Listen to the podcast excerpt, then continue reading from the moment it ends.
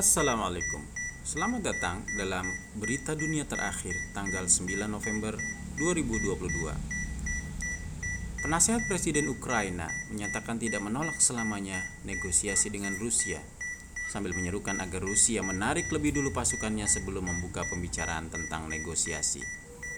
Penasehat Presiden Ukraina menuduh Presiden Rusia tidak siap melakukan negosiasi Karenanya, Ukraina akan melakukan pembicaraan dengan Presiden Rusia berikutnya.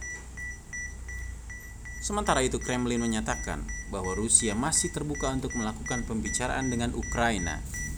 Menurut apa yang diterbitkan oleh harian Wall Street Journal tentang berlangsungnya pembicaraan rahasia antara penasehat keamanan nasional Amerika Jack Sullivan yang mengatakan kepada Kremlin bahwa media masa Inggris dan Amerika Serikat telah memberikan banyak sekali informasi dusta. Pihak Amerika mengatakan bahwa komunikasi terus berlangsung dengan Rusia dan bahwa ada beberapa saluran komunikasi di antaranya kedubes Rusia di Washington dan kedubes Amerika Serikat di Moskow.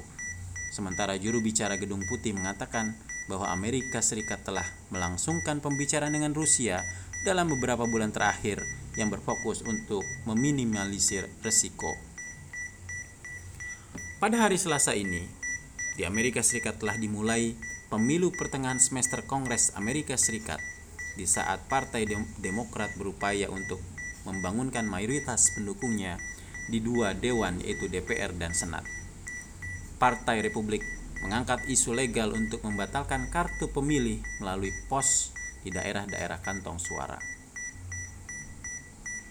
Bisnismen Rusia Yevgeny Prigozhin yang dekat dengan Vladimir Putin dan merupakan pendiri perusahaan Wagner menyatakan bahwa dia campur tangan dalam pemilu Amerika Serikat di mana dia menyatakan bahwa kami telah turut campur dalam pemilu Amerika dan kami masih terus campur tangan dan akan melanjutkan campur tangan kami. Menteri Luar Negeri Amerika dalam pemerintahan Joe Biden mengatakan tidak akan mudah untuk campur tangan dalam pemilu Amerika dari mana pun sumber campur tangan itu berasal. Jubir Gedung Putih mengatakan bahwa pernyataan oleh Prigozhin adalah bukan hal baru dan bukan hal yang mengejutkan. Korea Utara telah mengumumkan bahwa pihaknya akan membalas latihan bersama antara Amerika Serikat dan Korsel dengan mengambil langkah yang disebutnya langkah militer yang tegas dan mengungkapkan tentang persiapan perang yang mencakup 500 pesawat.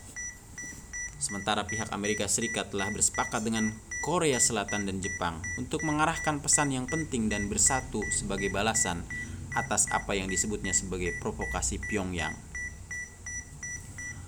Partai Insaf pimpinan mantan Perdana Menteri Pakistan Imran Khan melakukan pawai protes menuju ibu kota Islamabad demi menuntut diadakannya pemilu lebih cepat pada hari Selasa hingga Kamis mendatang. Pasukan keamanan Pakistan menutup jalan utama yang menghubungkan Islamabad dan kota Rawalpindi. Imran Khan meminta Presiden Arif Alwi untuk mengambil langkah yang menjamin terwujudnya keadilan atas sebagian besar pesan ancaman pembunuhan. Sementara itu, Menteri Dalam Negeri Pakistan Rana Sanaullah mengatakan bahwa dia bersama Perdana Menteri siap menghadapi penyelidikan atas tuduhan keterlibatan keduanya dalam upaya pembunuhan Imran Khan sambil mengungkapkan bahwa penyelidikan itu merupakan kesempatan untuk mengungkapkan kebenaran. Demikian berita dunia terakhir dan selamat beraktivitas.